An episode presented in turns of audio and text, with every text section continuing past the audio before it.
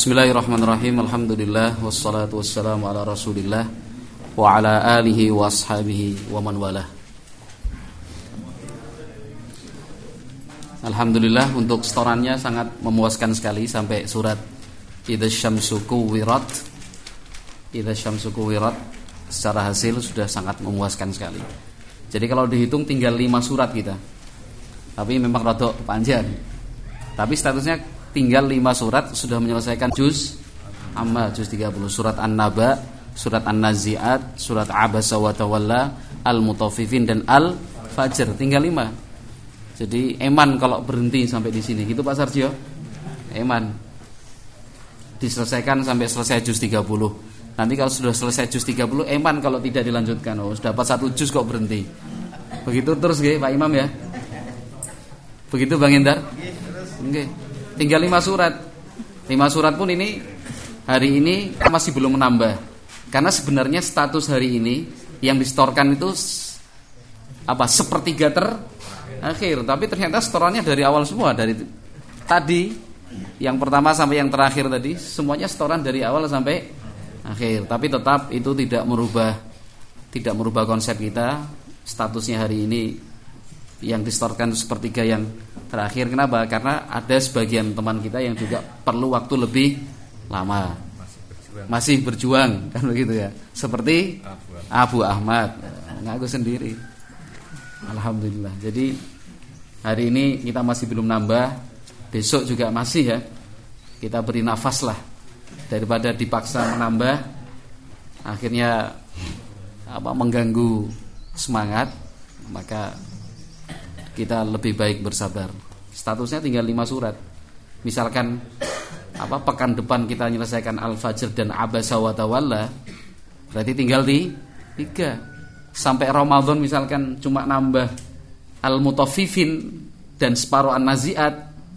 Bulan Ramadan masih amma yatasalun dan rohnya. Jadi akhirnya tercapai target kita. Kalau target kita kan sebelum Ramadan sudah selesai juz 3 Puluh. Dunia ini apa pun yang ditargetkan tetap agak sedikit meleset. Kan begitu kan ya? Apa pernah jenengan sesuai target dan pas? Saya kira nggak pernah. Bener-bener pas loh. Ah, sok muncul malah. Oh, waktu nih ya kan. Seharusnya targetnya Ramadan sampai Ramadan tahun depan gitu maksudnya. maksudnya. Itu namanya punjul targetnya.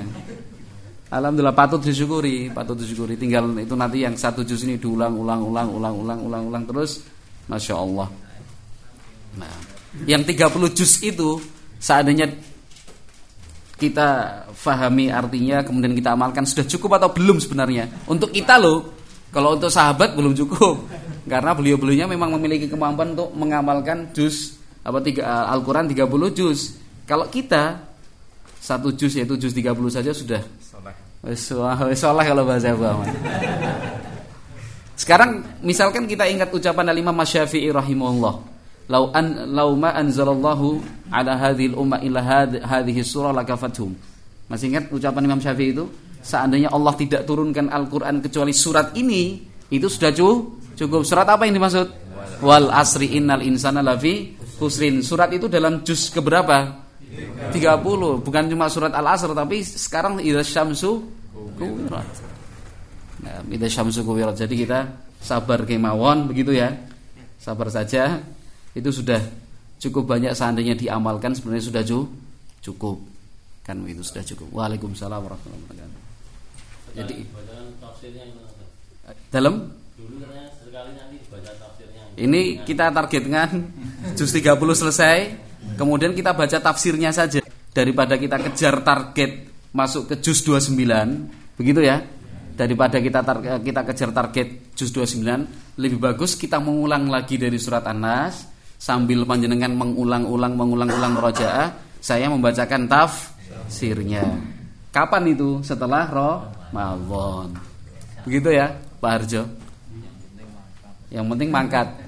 Faham tidak faham? Yang penting fa faham. Faham kalau harus mangkat. Begitu targetnya Syekh Ridwan kan gitu. Begitu Mas Nur jadi kita matangkan jus 30 ini sudah sangat luar biasa.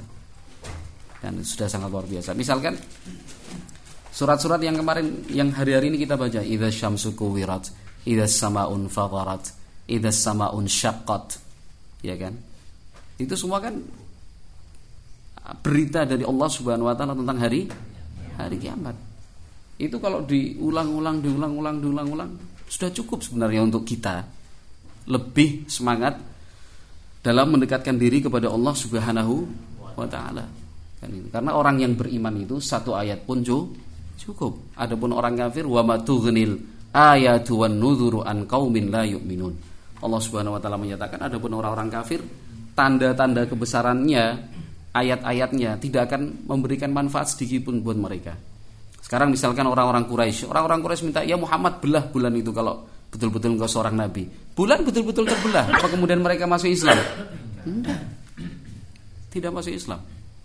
Nah, sekian banyak tanda-tanda apa kebesaran Allah dalam bahasa yang sering kita dengar mukjizat yang Allah berikan kepada Nabi Muhammad SAW lalu diperlihatkan itu ternyata tidak membuat mereka ber, beriman.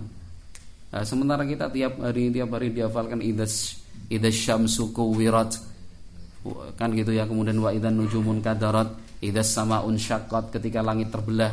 Idas samaun fatarat juga seperti itu ketika langit terbelah. Itu kan sebenarnya ayat-ayat nasihat buat kita semua.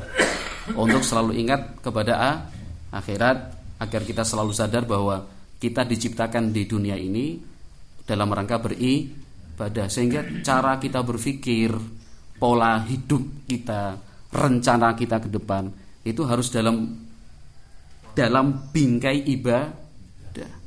Sudah tidak ada lagi apa pribadi, tidak ada lagi individu. Segala sesuatunya harus i, ibadah kepada Allah Subhanahu wa taala. Sekaligus juga saya cerita sama panjenengan ini adalah mudah-mudahan kabar gembira.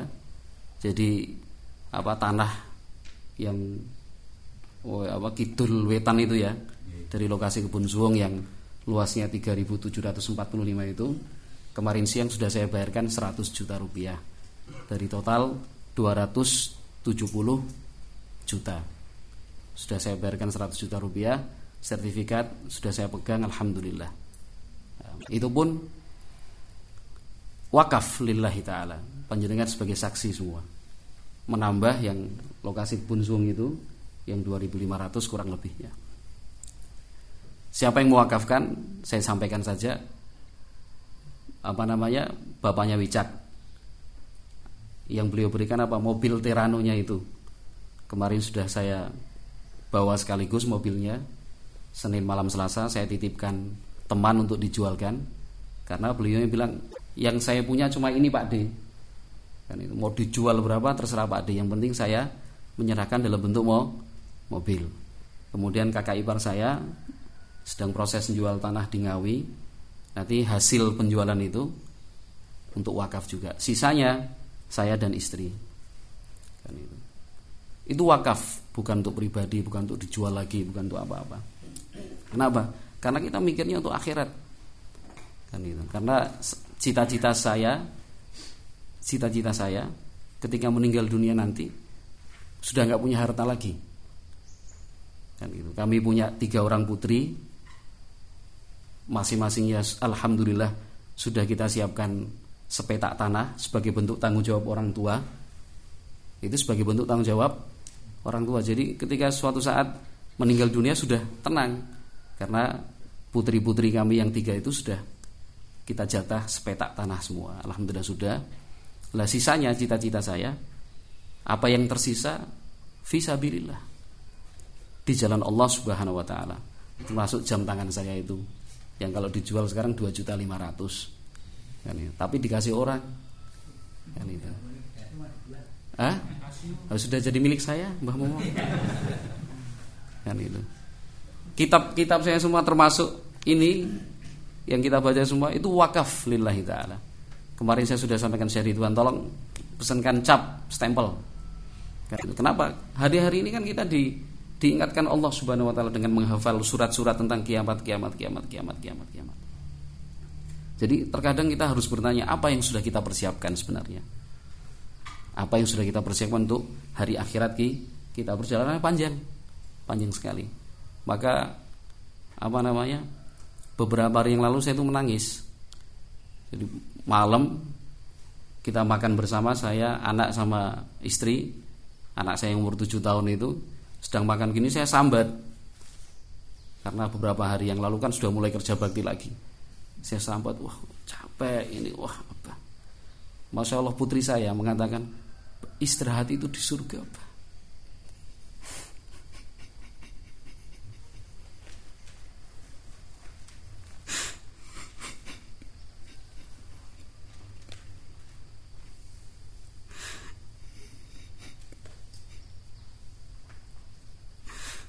Saya nangis karena anak saya masih tujuh tahun sudah mengingatkan bapaknya, bah istirahat itu di surga. Jangan mikir istirahat di dunia, nggak mungkin kita bisa istirahat di dunia. Capek memang di dunia ini. Masalah ada terus, persoalan nggak akan ada selesainya. Gitu. Capek gitu. Panjenengan berangkat dari Bantul, dari Sanden, dari Palbapang, dari Grogol ke sini tiap hari belajar itu capek. Siapa yang mengatakan tidak capek? Panjenengan yang di dekat juga seperti itu, asli penduduk sini. Capek, semuanya capek. Tapi memang betul istirahat itu cuma di surga. Jangan pernah berpikir bisa istirahat hidup tenang di dunia karena di dunia ini memang seperti itu penuh dengan ibtila, penuh dengan ujian dari Allah Subhanahu wa taala. Apalagi kita sebagai manusia, karakter kita seperti yang Allah sebutkan dalam Al-Qur'an, innal insana khuliqa halua idza massahul syarru wa idza massahu syarru jazua wa idza massahul khairu manwa itu manusia itu saya dan jenengan. Tidak bisa kok kemudian kita ndak saya ndak. Allah yang menciptakan kita Allah yang maha mengetahui tentang siapa kita. Allah mengatakan dalam Al-Quran Innal insana khuliqa halua. Sesungguhnya manusia itu diciptakan dengan karakternya yang halua. Apa itu halua? Idza massahu syarru jazua. Kalau dapat sedikit masalah saja sudah mutung, sudah putus asa, sudah menyerah, berpikir buruk, entek. Itu baru sedikit kena masalah. Wa idza massahul khairu manua. Tapi kalau sudah dapat kebaikan, pelitnya bukan main. Mau berbagi susah. Pengennya semua-semuanya untuk dia, untuk dirinya. Yang penting dia untung. Itu manusia. Siapa? Saya dan semua panjenengan. Tidak ada yang dikecualikan di sini. Memang watak manusia seperti itu. Maka bukan kemudian watak itu dibenarkan, tapi Allah Subhanahu wa taala mengkabarkan watak kita yang sesungguhnya agar kita juga berusaha untuk bagaimana mensiasati watak ini. Gitu ya. Bagaimana kita mensiasati watak ini, kemudian kita betul-betul tunduk dan taat kepada Allah Subhanahu wa taala. Alangkah berbahagianya seorang hamba ketika dia meninggal dunia tidak ada harta yang dia bawa. Itu berbahagia sekali. Dia tidak punya hutang, tapi dia juga tidak membawa harta. Kenapa hamba seperti ini berbahagia? Karena pada hari kiamat nanti hisapnya mudah sekali. Apa yang mau dihisap dari dia? Oh dia meninggal dalam keadaan tidak punya harta. Kan. Sementara orang yang memiliki harta sekian banyak, hisapnya ya panjang, lama dibandingkan mereka yang hartanya jauh lebih sedikit. Maka coba perhatikan Rasulullah Shallallahu Alaihi Wasallam apa yang beliau bawa ketika meninggal dunia? Tidak ada yang beliau bawa. Rasulullah orang terbaik, manusia paling mulia, penutup para nabi dan para rasul, seorang hamba yang seandainya mau harta emas itu beliau miliki. Seandainya beliau mau gedung mewah, beliau dapatkan. Apa yang tidak bisa beliau raih dengan kedudukannya sebagai orang yang dicintai oleh sahabat-sahabatnya. Tapi ternyata meninggal dunia dalam posisi tidak membawa harta. Tanah-tanah fai artinya milik Rasulullah Wasallam hasil pembagian rampasan perang demikian juga ghanimah dan fai itu sebelum meninggal dunia Kata Nabi Wasallam, lillah untuk Allah Subhanahu Wa Taala, tidak diwariskan kepada anak-anaknya. Itu Rasulullah Shallallahu Alaihi Wasallam orang paling terbaik. Jadi siapa pun dari kita yang ingin mencontoh Nabi Shallallahu Alaihi Wasallam, contohlah beliau secara sempurna kafah, termasuk dalam hal ini. Artinya jadikanlah agenda hidup kita, cita-cita kita saat meninggal dunia nanti sudah kan itu ya. Semua hak sudah kita tunaikan. Kalau masih punya orang tua ya orang tua kita berikan haknya kalau panjenengan punya anak putra putri tunaikan juga hak-haknya. Setelah dari itu serahkan visabilillah. Nah, Kenapa? Karena orang yang terbaik pun melakukannya.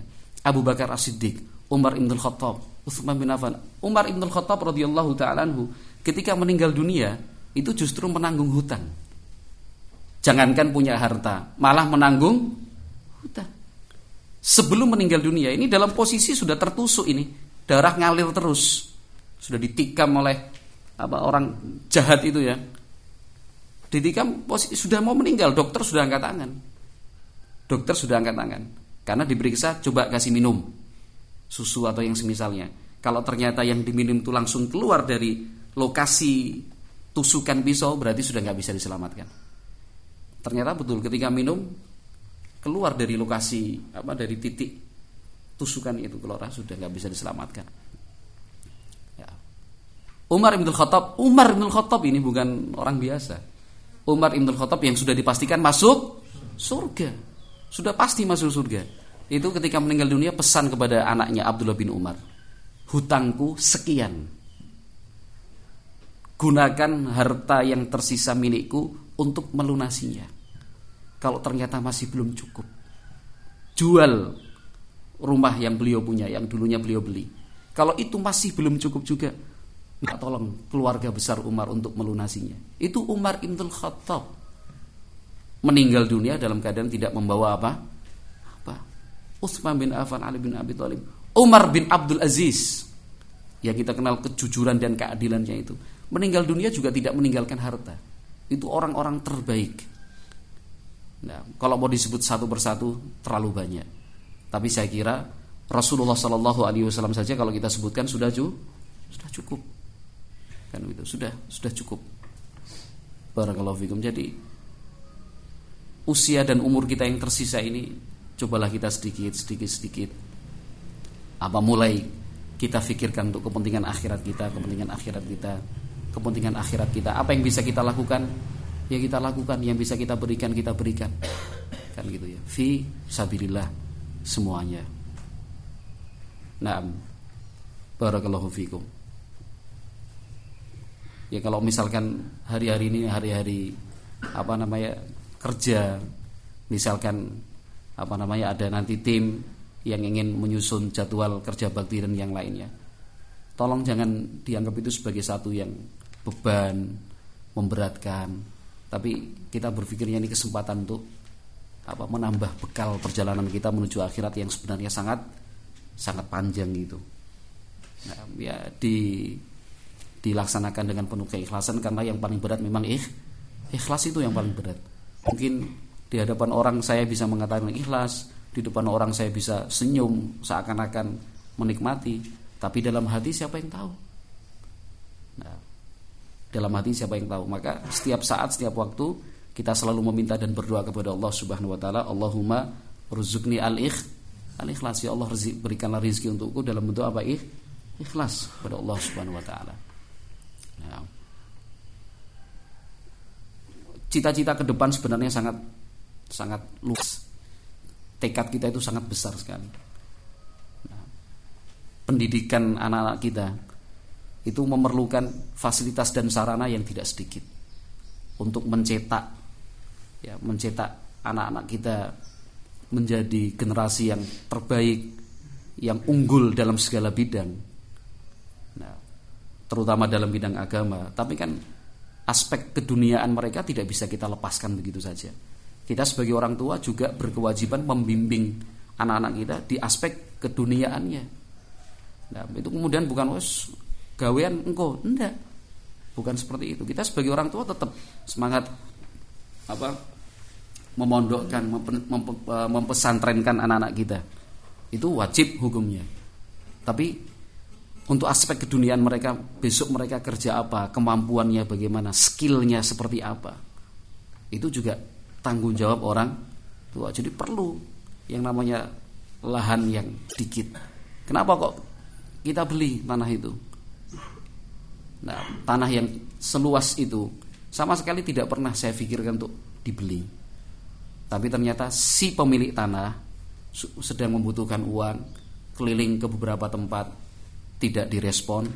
Akhirnya beberapa orang mengarahkan kepada saya itu Pak Mukhtar aja. Sudah berapa kali datang ke rumah tidak pernah ketemu. sampai akhirnya yang kagungan Siti nitip surat dimasukkan dalam amplop dimasukkan di bawah pintu di rumah saya bagian barat itu isinya Pak saya perlu uang mau jual tanah kalau misalkan berminat hubungi saya nah sejak itu mikir wah gitu sampai kemudian akhirnya terjadilah proses yang kemarin itu sampai ya mudah-mudahan lancar semua ke depannya sampai balik nama nanti. Nah, jadi prosesnya bukan kita yang mencari, tapi kita yang kita tawari. Nah, saya berpikirnya ini rezeki dari Allah Subhanahu wa taala. Uh, tanahnya luas. Itu masih belum cukup. Kalau kita mau memikirkan anak-anak kita itu masih belum cukup. Nah, yang kita pikirkan sekarang anak-anak kita, cucu-cucu kita. Yang namanya belajar itu kan bukan cuma di kelas, di masjid, tapi anak-anak kita butuh ruangan, misalkan work, workshop untuk kegiatan bengkel, misalkan. Anak-anak kita kan perlu dikasih kemampuan seperti itu skill. Jadi kalau misalkan apa namanya mau bangun sesuatu rumah itu sudah enggak apa Abdul Faruk, Pak Ali, Pak Mujadi, Abdul Faruk, Pak Ali, Pak Mujadi enggak lagi, tapi anak-anak kita punya kemampuan itu semua. Anak-anaknya siapa? Ya anak-anaknya panjenengan sendiri. Sekarang kan alhamdulillah masih mondok di Klegen, masih mondok di Sewon, Imogiri. Tapi aspek-aspek yang lain kan tidak bisa kita lupakan begitu saja. Bagaimana cara kita mengajari mereka yang namanya pertanian, mengajari untuk mereka yang namanya perikanan, peternakan. Bukankah itu juga perlu lokal? Begitu Mbak Pamonji? Kan nggak mungkin di kelas yang sama di perpustakaan kok yang diajari perikanan. Ya nggak wangun tapi memang perlu lokal lokasi-lokasi yang sangat memungkinkan. Maka cita-cita saya di sekitar kebun suung itu kalau misalkan bisa dibebaskan sebagai statusnya wakaf masya Allah. Karena rencana kita panjang ke depan. Kan gitu panjang ke depan. Jadi kalau misalkan apa namanya? Uh, Allah mudahkan ya. Tanah sampingnya tanah sampingnya tanah sampingnya. Kita beli wakaf. Wakaf lillahi taala. Kan itu itu sebuah cita-cita. Mudah-mudahan panjenengan bisa memahami kan gitu ya. Sekarang Pak Udin anaknya berapa? Abu Ahmad anaknya berapa? Kan itu Abdul Faruk Pak Dekamiran semuanya. Tapi tidak sekarang. Bukan sekarang tidak boleh kita tergesa-gesa itu tidak boleh. Pelan-pelan, sabar, alon-alon kan gitu ya.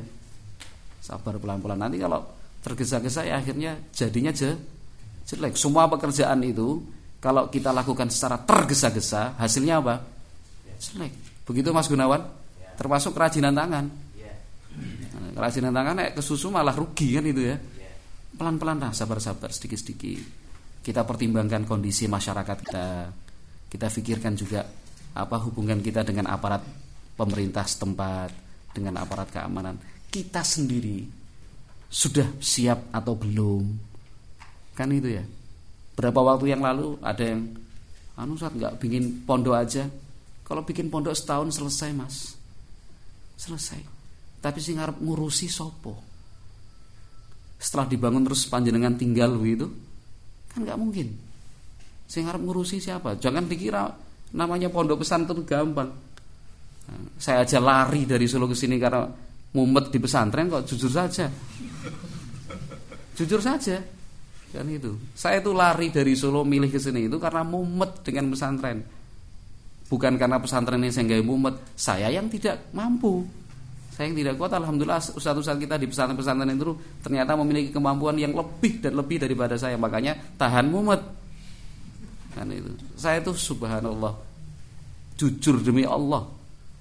Dari Solo itu statusnya setengah lari dari tanggung jawab. Ke sini itu karena pengen apa refresh kan itu. Jadi kan mungkin belum bisa membayangkan. Saya tiap hari dari subuh sampai malam subuh malam iki nakal iki melanggar kasus ki wong tuane bermasalah iki nunggak kayak ngutang beras entek listriknya mati kan itu apa seperti itu nggak bikin mumet Pak Ali nah, ya, jadi yang namanya pondok itu semudah yang kita bayangkan cuma ngerti ini ngajar bocah-bocah pinter rampung ya bukan seperti itu Nanti anak-anak ngelempar tetang, apa itu genteng tetangga, tetangga marah yang nyelesaikan siapa? Kita kan itu. Anak-anak ngebut, wah jatuh nabrak anak orang. Siapa nyelesaikan? Kita. Jadi kita ini belum siap sebenarnya. Atau jenengan sudah siap sebenarnya? Siapa apa Mas Dadang? Nek siap gelut Mas Dadang ya. gelut apa sih? Bergelut dalam kebaikan. Jadi tidak tidak semudah yang kita bayangkan. Sungguh lebih bagus kita sabar, persiapkan dulu ini. Makanya jenengan sekarang ini sebenarnya saya kan selalu sampaikan, pelajaran kita pada subuh itu sebenarnya sedang mempersiapkan kader-kadernya. Kan ini bukan bukan asal melaku ini, ini terkonsep. Terkonsep. Jenengan sedang belajar bahasa Arab, belajar tafsir, belajar Al-Qur'an, belajar fikih, ya, terus belajar akidah. Itu sekarang itu sedang apa namanya tahapan-tahapan apa penataran namanya. Sedang ditatar jenengan-jenengan. Ya itu dipersiapkan nantinya. Sehingga tidak menutup kemungkinan misalkan Mas Abdullah Mas'ud. Nah ini Abdullah Mas'ud ternyata. Saya bertobat kepada Allah Subhanahu wa taala sebelum dituntut ya kemarin sudah diancam tuntut saya sama Mas Abdullah ini waktu kerja bakti Ustadz jeng kalau tuntut jenengan uh apa ini nama saya itu bukan Abdullah Marwanto terus Abdullah Mas'ud Oh, kita resmikan Abdullah Mas'ud. Terus dituntut di mana Mas Abdullah? Di pengadilan tinggi apa pengadilan negeri? Tinggi ya negeri gitu ya. tinggi ya negeri. Tidak menutup kemungkinan Mas Abdullah, Mas'ud, Abdullah Marwanto dan yang lainnya ketika kita sudah betul-betul siap segala sesuatunya, sudah betul-betul matang, kok jadi wali kelas 7 Mas Abdul Mas'ud ini wis ora ngarit, wis ora nyawah jadi ustad. Mungkin nggak yang seperti itu? Mungkin asalkan tahapan kita sekarang yang sedang belajar ini tercapai.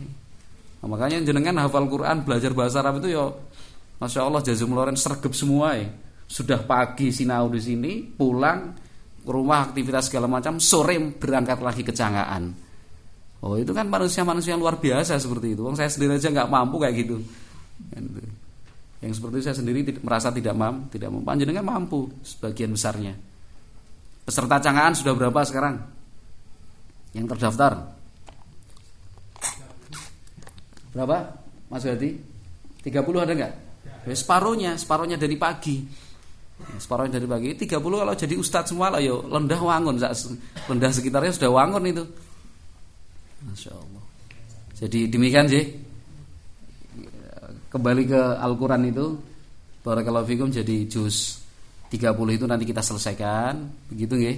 Selesaikan. Besok Ramadan kita baca setelah Ramadan kita baca taf tafsirnya itu sudah cukup untuk kemudian mengingatkan kita selalu kepada Allah Subhanahu wa taala. Taib, satu hadis kita baca. Hadis yang ke-770. Hadis yang ke-770. Yang jelas saya selalu mendoakan, saya selalu berdoa kepada Allah Subhanahu wa taala semoga apa yang panjenengan lakukan untuk dakwah ini sekecil apa pun itu, sesedikit apa pun itu diberi balasan sebaik-baiknya oleh Allah Subhanahu wa taala. Mulai dari yang apa saudara-saudara kita asli di lendah sini, di kampung sini. Jasa mereka luar biasa kan itu me, apa meluruskan isu kemudian apa namanya menepis tuduhan itu teman-teman kita luar biasa di sini kemudian dengan keberadaan orang-orang asli sini itu menjadi faktor penguat dakwah. Orang kalau mau berpikir buruk itu akan berpikir sekian banyak kali. Kenapa? Sing asli juga banyak. Ada Pak Demur Sahid jazahullah khairan. Ada Pak D Kamiran, Jazallah Khairon, Pak Hambali, Jazallah Khairon, Pak Dimingin, Pak Dinarto, Mas Aris, Syekh Ridwan, Mas Jasmanto, kan itu, Pak Imam.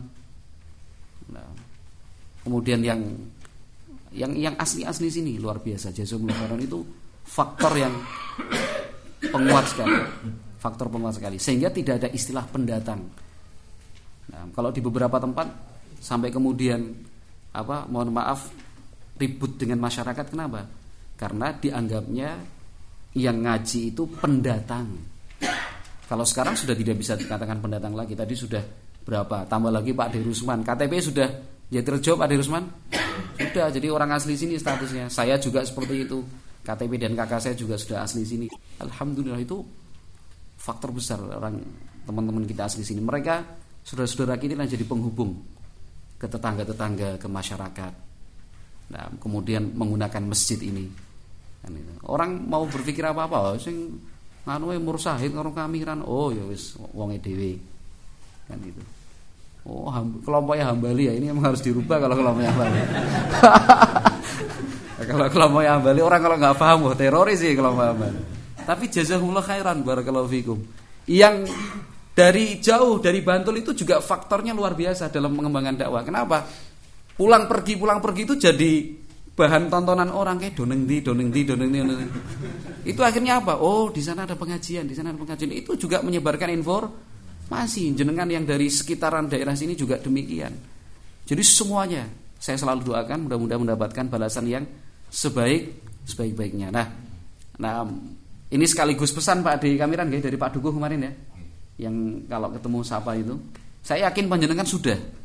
Saya yakin panjenengan sudah melaksanakan apa namanya kalau masuk ke lokasi sini kalau ketemu sama penduduk warga ya dirurui, disalamin, kalau misalkan jauh ya tin gitu nggih. Tin. Saya yakin panjenengan sudah melakukannya. Tapi itu kemarin pesan dari Pak Dukuh, pesan dari Pak Dukuh juga. Apa katakanlah itu pesan yang sangat baik sekali buat kita. Ketika nyampaikan surat informasi ke kita Pak Kamiran sama siapa kemarin? Kalau Syekh Ubed. Bersama Syekh Ubed. Eh dua-duanya kita jadikan Syekh juga boleh. Share itu sama Syekh Ubed. Eh Pak Kampiran sama Syekh Ubed bukan Al Jabiri bukan Syekh Ubed Al Landahi gitu. ketemu kesowan tempatnya Pak Duko. Pak Duko juga menyampaikan pokoknya yang penting kalau masuk kampung ya nyapa warga sekitar penduduk. Mungkin ya kecepatannya rodok diku rangi. Nanti kalau sudah sampai aspal dengan ngebut sak ngebut ngebutnya monggo kan itu tapi kalau sudah masuk sini mulai dari pos sana atau yang dari jalur utara makanya Pak Ali kemarin juga usul jazakallahu khairan Pak Ali itu Mas Heri mungkin bisa ditambahkan surat apa surat surat apa namanya tembusan itu. Pak Ali kemarin usul untuk dukuh Wonogiri juga. Sama dukuh mana Pak Ali? Kemarin dua kali kalau disebutnya. Ya yang jelas dukuh Wonogiri. Kenapa? Karena beberapa peserta kan lewat lewat Wonogiri. Kalau di sudah agak jauh nggak apa-apa, tapi ini kan kampung masih statusnya Duku Wonogiri ini. Tahu Wonogiri nggak? Bukan Wonogiri Solo loh. Dikasih edaran aja nggak apa-apa, e, tembusan itu. Itu perlu kita perhatikan, jangan sampai ada satu kesalahan kita lakukan sing kena kabeh kan gitu ya. Wah, keluar masuk sini yang paling penting itu ngerurui sama warga sekitar. Tantin tantin tantin tantin tantin kan gitu. Ketemu ya assalamualaikum, ade, bude, lek bule begitu ya itu pesan dari Pak Duko pesan dari Pak Duko jazakallahu khairan. Taib